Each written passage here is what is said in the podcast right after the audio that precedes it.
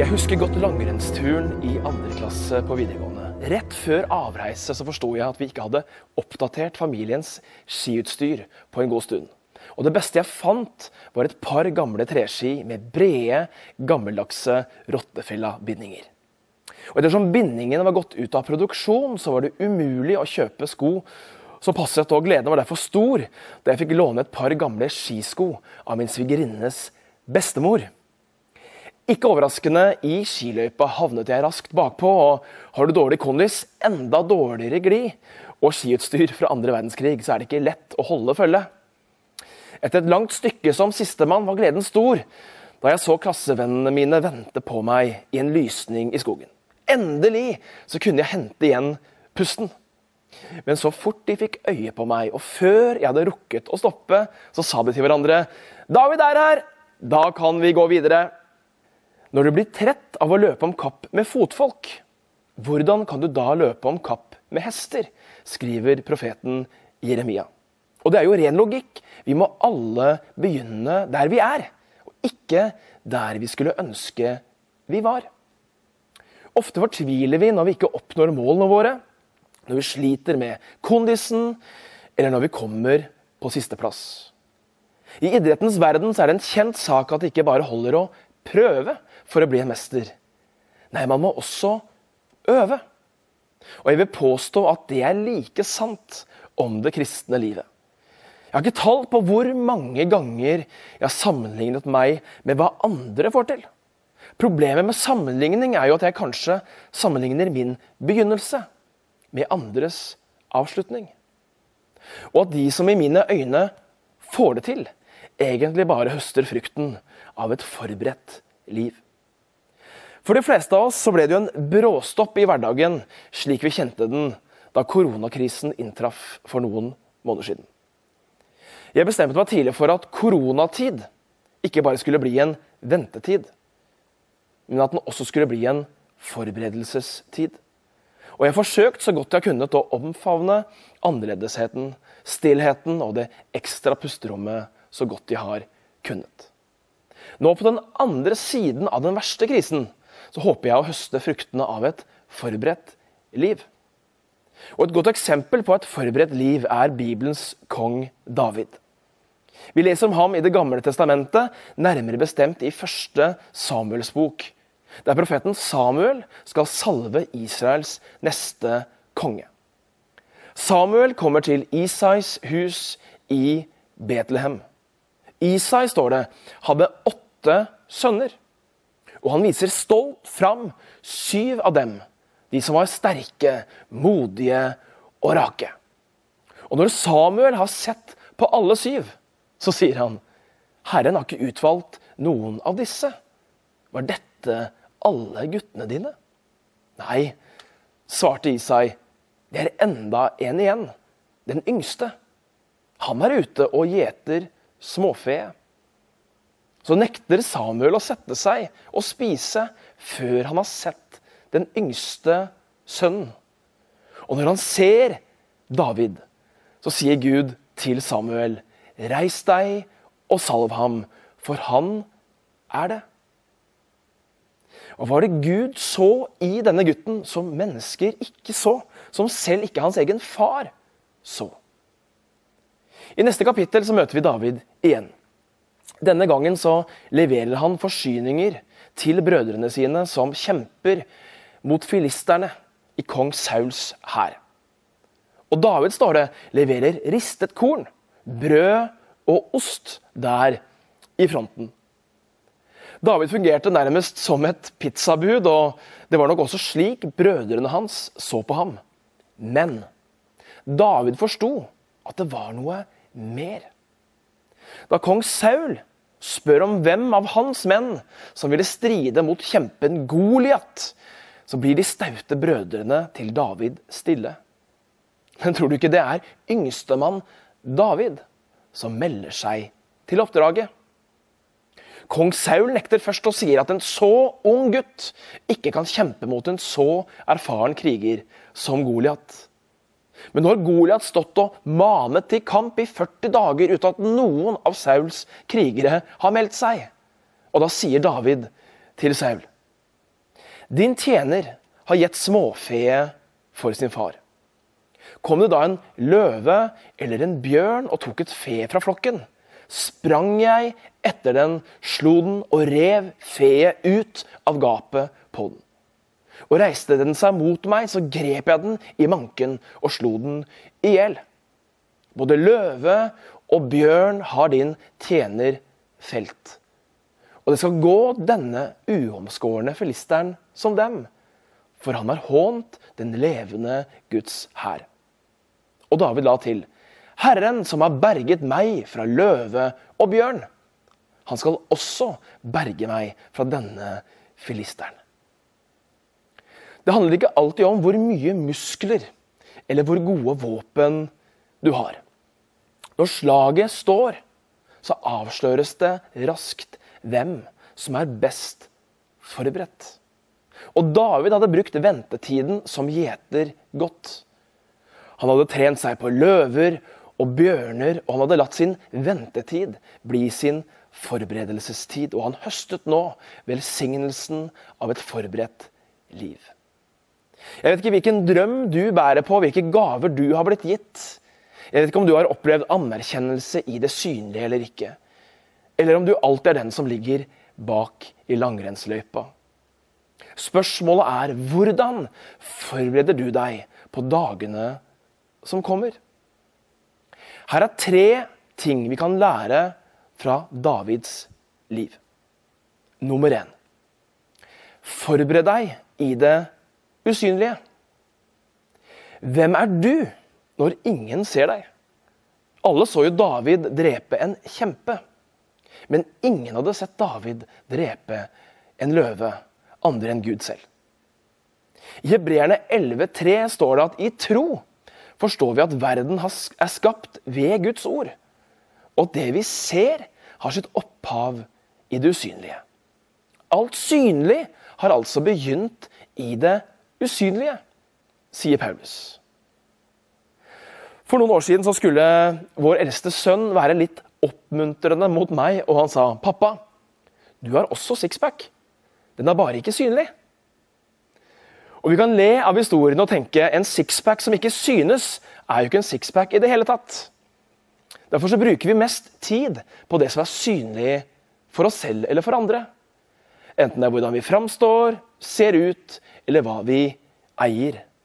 For som oftest er jo det som synes, viktigere for oss enn det som ikke synes. Men Bibelen forteller oss det motsatte, at det synlige på langt nær er så viktig som det usynlige. Når du ber, sier Jesus, så skal du gå inn i rommet ditt og lukke døren og be til Gud, din far, som er i det skjulte. Og Dette lærte jeg av min farmor, Olga. Hun var et menneske som fikk de utroligste bønnesvar. Hun var et menneske med en mildhet og en vennlighet som berørte alle som møtte henne. Og hun var et menneske mange betrodde seg til gjennom samtale og sjelesorg. Hvor kom det fra? Jo, ifølge henne selv da hun lå på kne. Mens min farfar var predikant på en talerstol, så kjempet min far farmor de kanskje viktigste kampene bak lukkede dører. Alt som er synlig, har sitt opphav i det usynlige. Hva kan vi lære av David nummer to? Still deg disponibel for Gud. Å være til stede, både i eget og andres liv, er den kanskje største utfordringen for et moderne menneske. Og mange kjemper om din og min oppmerksomhet. Daglig tilbringer vi timevis på sosiale medier der noen av verdens største og sterkeste merkevarer og selskaper betaler dyrt for å finne ut mest mulig om deg, og for å kunne påvirke deg mest mulig. Hva betyr det å være disponibel? Å være disponibel for Gud? Jeg tror det handler om å gjøre som David. Det var ikke tilfeldig at han var den som til slutt felte Goliat. Han stilte seg disponibel, han oppsøkte fronten. Han hørte Goliat spotte både kongen, kongens hær og Gud selv, og han stilte seg disponibel for oppgaven. Ingen hadde jo tenkt at David ville passe til oppgaven dersom han hadde forblitt i ødemarken med småfe. Men fordi han var der, og fordi ingen andre turte, så fikk David sjansen. Forskjellen lå ikke i Davids fysikk, rang eller erfaring. Nei, forskjellen lå i at David var rett person på rett sted til rett tid. Han var rett og slett til stede. Og spørsmålet er er du, er jeg, til stede? Er du til stede for Gud, for deg selv, for dine nærmeste eller for drømmene dine? Det er utrolig hva Gud kan gjøre når vi er til stede. Og Det tredje og siste vi kan lære av Davids liv, det er nummer tre. Bruk det du har fått. Når vi mennesker blir usikre på oss selv, så ender vi ofte med å forsøke å kopiere noen andre. For mange av oss er det jo langt tryggere å forsvinne i mengden enn å stikke seg ut. Men har vi egentlig noe annet valg enn å være oss selv? Hvis vi tenker over det. Når vi skal utkjempe et slag, så er det viktig å være godt bevæpnet og godt utrustet. og Vi må ha sverdet, rustningen og skjoldet i orden. Og det gjaldt definitivt for Goliat. Hør hvordan første Samuels bok beskriver Goliat. På hodet hadde han en bronsehjelm, og han var kledd i en skjellbrynje av bronse. Den veide 5000 shekel, dvs. Si ca. 57 kilo. På leggene hadde han bronseskinner, og på ryggen bar han en sabel av bronse. Skaftet på spydet hans var tykt som en vevbom, og spydspissen av jern veide 600 shekel. Det vil si at selve spissen på spydet veide 6,5 kilo. Snakk om å være godt rustet for kamp. Det var ikke noe tvil om Goliats bevæpning, men i Guds rike så handler det ikke om å ha de beste gavene eller den beste utrustningen. I Guds rike så handler det om å bruke det du har fått. Og så står det videre Saul lot David få sine egne klær. Han satte en bronsehjelm på hodet hans og iførte ham en brynje. David han bandt Sauls sverd utpå klærne og forsøkte å gå, men forgjeves. For han hadde aldri prøvd det før. Jeg greier ikke å gå med dette på meg, sa David til Saul. Jeg er ikke vant til det. Så la han det av seg, og i stedet tok han staven sin i hånden, valgte seg ut fem glatte steiner fra elveleiet og puttet dem i gjetevesken som han bar over skulderen. Slyngen hadde han i hånden, og så gikk han fram mot filisteren. David prøvde Sauls rustning, og selv om det ga ham beskyttelse, så klarte David knapt å bevege seg. For når vi tar på oss en annen persons rustning, så blir det vanskelig å bevege seg. Vi paralyseres, og vi klarer ikke å bevege oss, og iallfall ikke å kjempe. David han valgte i stedet å gå i sin egen utrustning. En stav, fem glatte steiner og en slynge. Og vi kjenner historien og vet hvordan det gikk. Hva er det du har fått som kanskje ikke ser imponerende ut for andre? Uansett hva det er, så kan det bli et mektig våpen. Kun fordi det ligger i din hånd. Dersom vi skal løpe om kapp med hester, så trenger vi ikke bare hastighet. Men vi trenger også en bærekraftig rytme i livene våre. Det kristne livet er ikke bare en spurt. Nei, det kristne livet kan ses på som et langdistanseløp. Og hvordan ser da en sånn bærekraftig rytme ut? Jo, hør disse vakre versene fra helt begynnelsen av profeten Jeremias bok. Der står det det er Gud som sier Før jeg formet deg i mors liv, kjente jeg deg. Før du ble født, helliget jeg deg. Til profet for folkeslagene satte jeg deg.